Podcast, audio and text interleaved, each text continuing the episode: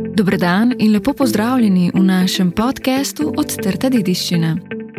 V njem bomo z zanimivimi gosti razmišljali o potencijalih kulturne dediščine.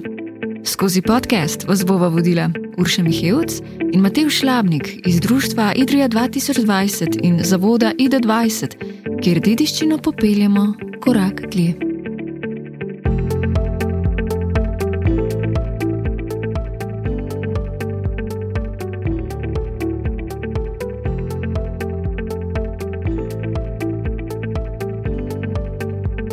Zavod Dobra pot sodi med nevladne organizacije, ki se skozi številne programe, delavnice, mednarodne projekte, tabore in mladinske izmenjave vesno in predano ukvarja z razvojem in ohranjanjem dediščine na območju slikovite pokrajine Brkinov. Ob zavedanju pomembnosti dediščine želijo skozi raznovrstne aktivnosti razvijati vrednote ter pokazati na priložnosti življenja na podeželju za mlade ter spodbuditi, da mladi na podeželju tudi ostanejo. Kot pravijo, svoje delovanje gradijo na temelju povezanosti med človekom, naravo in kulturo, kar vodi v boljši danes in jutri.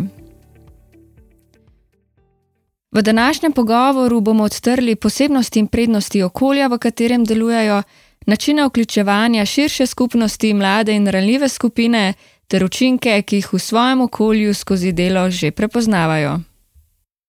Nava Vardjan, lepo pozdravljeni v zavodu. Dobro podelujete kot direktorica zavoda. Kaj vas je vodilo k ustanovitvi? Ja, v bistvu uh, smo zavod ustanovili skupaj s prijatelji, torej sem uh, soustanoviteljica um, zavoda. Um, in uh, v bistvu je tudi ideja o samem zavodu se porodila um, med, med nami, ni bila samo moja, je, bilo, je bil en tak skupek okoliščin.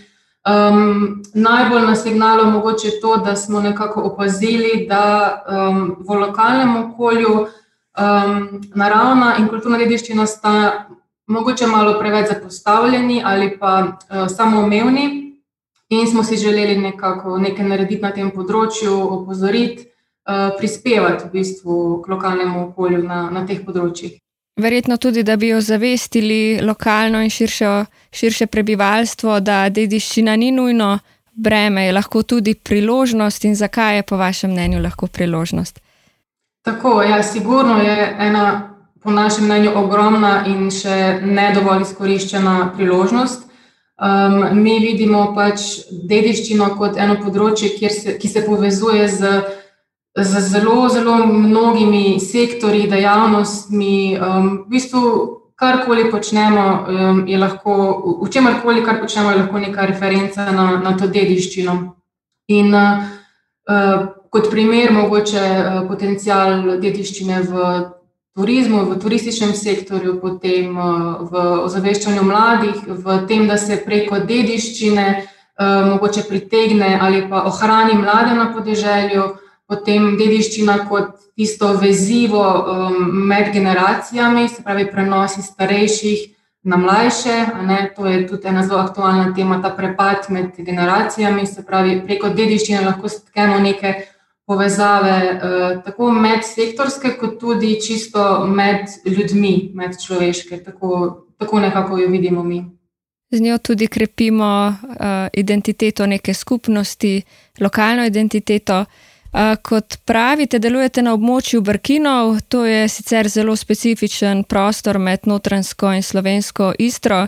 Če lahko vprašam, se štejete za notrance iz strane ali ste primorci? Um, ja, bi rekla, notranci ne, iz strani tudi ne, še najbolj od tega primorci, no, ampak še bolj pa brkinci. Ne. Sicer jaz osebno sem priseljena, pa tudi večina naše ekipe smo od druge se priselili v Brkine, um, zdaj se imamo že tako malo za Brkince. Je pa na tem um, lokalnem območju, recimo mi delujemo v občini Divača, um, je zelo, uh, je treba paziti, da imamo Brkince, imamo Vremce, imamo Snožejce. To je um, nekakšna ta um, krajina, oziroma pokrajinska pripadnost je, je izražena, tako da sigurno pa primorci. Ja. Kako pa bi opisali pokrajino na območju, v katerem delujete, kaj je recimo tisto, kar jo naredi posebno? in kako recimo tudi vpliva na vaše delovanje, tista njena posebnost? Ja, Brkini recimo so sigurno zelo zelena, um, čudovita pokrajina, polna teh suhih uh, travnikov, um, hribovit svet. Tukaj imamo burjo, uh, veliko je kamna, recimo tudi hiše iz kamna, kamnite jerte, ti tipični primorski morjači in tako naprej. Um, kar ji daje en tak poseben čar. Uh, mogoče še najbolj čarobno je, recimo, um, so ti ostanki ravno kulturne dediščine, um, ostanki tega, kako je skozi zgodovino človek uh, nekako sodeloval z naravo, uporabljal kamen. In zdaj je to recimo vidno na pročeljih hiš, na teh domačijah. Ne, to je ena taka posebnost, ki je mogoče druge v Sloveniji ni, ni toliko opazna.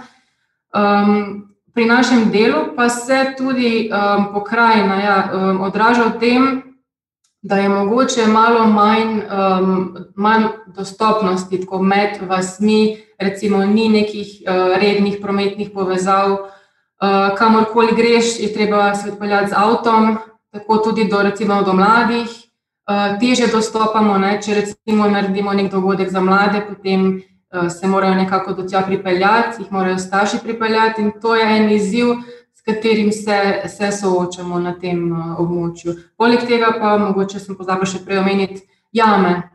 Kraške jame, ne, mi živimo zelo v bližini parka Škotjanske jame, to je res tak um, naravni čudež, ki ga ni nikjer drugje na svetu. Tako da um, tudi to daje tak en mističen pridih celotni pokrajini.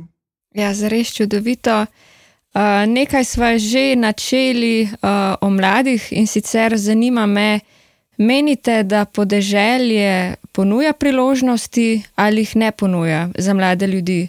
Sicer to, da podeželje recimo ne ponuja priložnosti, velja kot neka stereotipna predstava v širši javnosti, verjetno. Kako se recimo s tem spopadate vi? Ja, um, moram reči, da se kar precej borimo proti temu stereotipu ker se nikakor ne strinjamo z njim, s tem, da bi pač um, podeželje ne bi imelo priložnosti za mlade. Uh, nekako ugotavljamo, da so mladi pod vplivom recimo medijev, v filmih in so večinoma se nekako poveličuje mesta, urbano okolje, ne, tam je tisti vrvež, tam se dogaja. Ampak um, nekako zgodovinsko gledano je pa ta um, koncentracija v mestih tudi posledica industrijske revolucije, tega, da so se ljudje v mesta preselili zaradi služb. Kar je pa recimo zdaj v tem času, sploh v času pandemije koronavirusa, postalo mogoče malo bolj očitno, da ni več nujno tako. Večina nas recimo zdaj ali pa veliko nas dela od doma, kar pomeni, da v bistvu je delo na podeželju čisto mogoče. In da je mogoče tudi ustvarjati zanimiva, nova, recimo, delovna mesta za mlade, um, lahko se povezujejo kakšne, um, kakšna društva, ki potem delajo na socialnih inovacijah in tako naprej. Ni več, uh, ni več tako um, nujno, da, je, da se gre v mesto po, um, po službo, po kruh, po zabavo. A verjetno se tudi vi, podobno kot Idrija, srečujete z izseljevanjem mladih iz podeželja v urbana okolja. Uh, Torej, ker smo že zopet pri mladih, skozi kakšne programe izobražujete in vključujete mlade v dediščino, kako se recimo na to odzivajo, kakšni so pri tem rezultati in kakšna je vloga mladinskega dela na podeželju? Um, ja, v bistvu mi um, v tem lokalnem območju nekako še najbolje pridemo v stik z mlajšo mladino, to so tisti, v bistvu še zgornji, um, kako bi rekla, višji razredi osnovne šole. No. Uh, njih nagovarjamo preko, uh, tako preko šol, preko naših rednih poletnih delavnic, ki jih imamo v parku Škocijanske jame. In opažamo, da ko enkrat pridejo v stik z nami, ko enkrat pridejo na delavnico, potem se vračajo. Ne. In to nam je recimo zelo všeč, tako da se je v teh letih izoblikovala že ena taka redna skupina um, mladih, ki, ki nas poznajo, s katerimi delamo. Uh, ampak, kot pravim, so, so to mlajši. Um, potem imamo pa za nekoliko starejše, prirejamo pa vsakoletni uh, poletni tabor na Pliskovici, torej to je ena mala vasica na Krasu. Um, tam pa v bistvu privabimo mlade iz cele Slovenije, ne samo iz pač tega lokalnega območja. In uh, tam na, tisti, na, na tem taboru, ki se imenuje Skultiviraj se, je nekako vse, kar mi znamo um, kot ekipa, strnjeno v en tak enotedenski program. Um, mladi se recimo preizkusijo v klesanju kamna, potem v pletenju košar iz uh, vrbovih vej, uh, potem v raznem izdelovanju iz gline, zeliščarske delavnice imajo uh, in tako naprej. In opažamo, da um, vsakič, ko pridajo v stik s temi starimi ročnimi spretnostmi, torej z dediščino, so navdušeni. Prej je mogoče dediščina v njihovih glavah kot nek tak abstrakten pojem. Ni, ni tako jasno, kaj, kaj to je, zakaj, ampak pa enkrat, recimo, vidijo um, in preizkusijo na last, na, s lastnimi rokami, so pa navdušeni in se tudi tam vračajo. Ne? Tako da smo imeli te že par let zapored, skoraj isto ekipo na teh uh, poletnih taborih, kar je tudi zelo, zelo lepo, da skupaj z njimi potem rastemo čez uh, te naše programe. Zelo dobro torej izvajate številne projekte, skozi katere obujate mnogotere tradicije, veščine in znanja izvajate tabore, kot ste dejali, za otroke in za mladino in podobno. Uh, opažate uh, sicer, da je kdo od mladih, da se je že odločil, da bo raje ostal v domačem kraju, kot pa da bi šel s trebuhom za kruhom v večja mesta? Tega še ne bi mogli reči, no, smo še dokaj mlada organizacija, tako da naš vpliv na mlade je zadnjih, recimo, koliko 3-4 leta. Um, tako da ne moremo še reči, da se je kdo prav zaradi tega odločil spremeniti način življenja. Um, opažamo pa, kot sem že rekla, da mladim dediščina začne vedno več pomeniti. Ne? Uh, prej sem mogoče pozabila še to vlogo mladinskega dela uh, na podeželju, um, če še nekaj povem o tem. Uh, torej, mi si zelo prizadevamo na tem lokalnem območju nekako uvesti to neformalno mladinsko delo, te neformalne pristope, ki so tako uh, razširjeni, recimo, v bolj v mestih, na splošno v tem Erasmus uh, krogu. In moram reči, da smo nekako prvi. No, na lokalni ravni opažamo, da mladi nimajo stika s takim načinom dela in jim je to novo.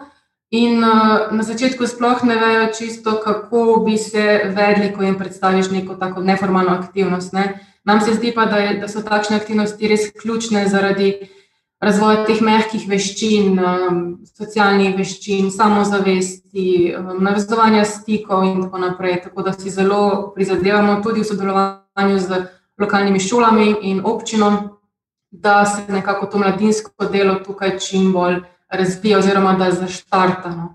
Odlično. Uh... Kaj pa bi recimo svetovali še sorodnim organizacijam, ki se podobno kot vi ukvarjajo z dediščino, na kaj naj ne pozabijo?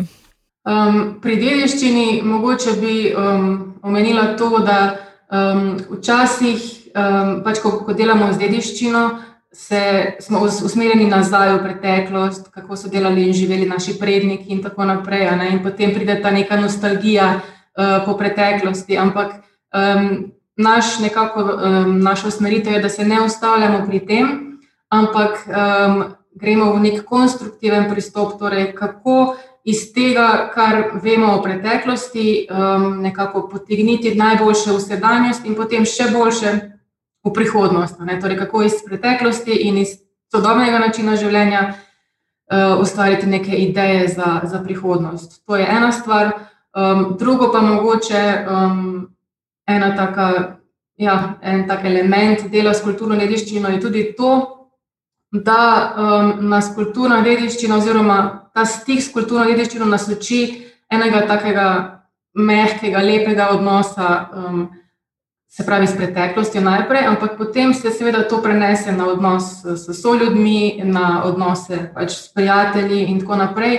In je to ena taka vrednota, ki je mogoče v tej družbi um, zelo potrebna trenutno, vsaj z našega vidika, tako da si ja, si prizadevamo, da se ta vrednota tudi nekako ohrani, da, um, da nam prinese tisto mehkobo in da gremo spoštljivo naprej. Pri delu z lokalno skupnostjo pa je pomembno, da poslušamo tudi tiste manj slišne glasove. Ali v svoje delo vključujete tudi posameznike iz ranljivih skupin in katere? Ja, v bistvu ja. Mi se nekako najbolj trudimo z skupino mladih in uh, starejših, tudi um, kot ranljivih skupin. To so tisti, s katerimi imamo največ stika.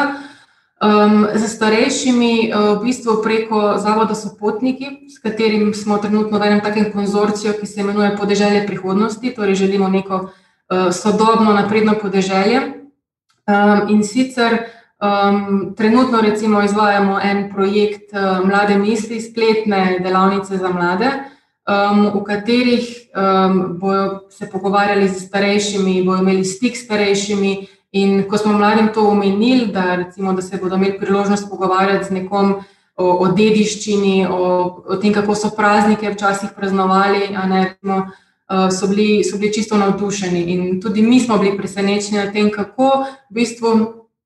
Uh, je tudi ta, um, mogoče to brezno med generacijami, en tak stereotip, ki ni nujno resničen, ker mladi si predvsej želijo um, tudi stika s starejšimi. Uh, mi v zvezi s tem ravno zaganjamo en uh, zanimiv projekt, um, ki se imenuje Varuh spomina. Uh, in sicer bomo uporabili kulturno dediščino za to, uh, se pravi, prav za ustvarjanje tega medgeneracijskega stika. Ustvarili bomo eno um, tako aplikacijo, pravi sodobni pristop, digitalizacija. Um, preko katere bo lahko v bistvu kdorkoli um, unesel um, vanjo pač recimo neko ustno izročilo svojega detka, zgodbe svojega detka, spomine. In prek tega tudi uh, poskušamo vplivati na to, na neko pozitivno dojemanje starejših, kot, uh, kot tistih, ki so nosilci spomina, ki, tistega spomina, ki ga ne smemo izgubiti in ki ga moramo ohraniti, oziroma ki lahko obogati današnjo družbo. Nava, najlepša hvala za pogovor in lepo zdrav. Hvala tudi vam. Do naslednje epizode podcasta nas lahko spremljate na www.ida20.si. Podcast pa je nastal v okviru Erasmus Plus projekta Common Heritage.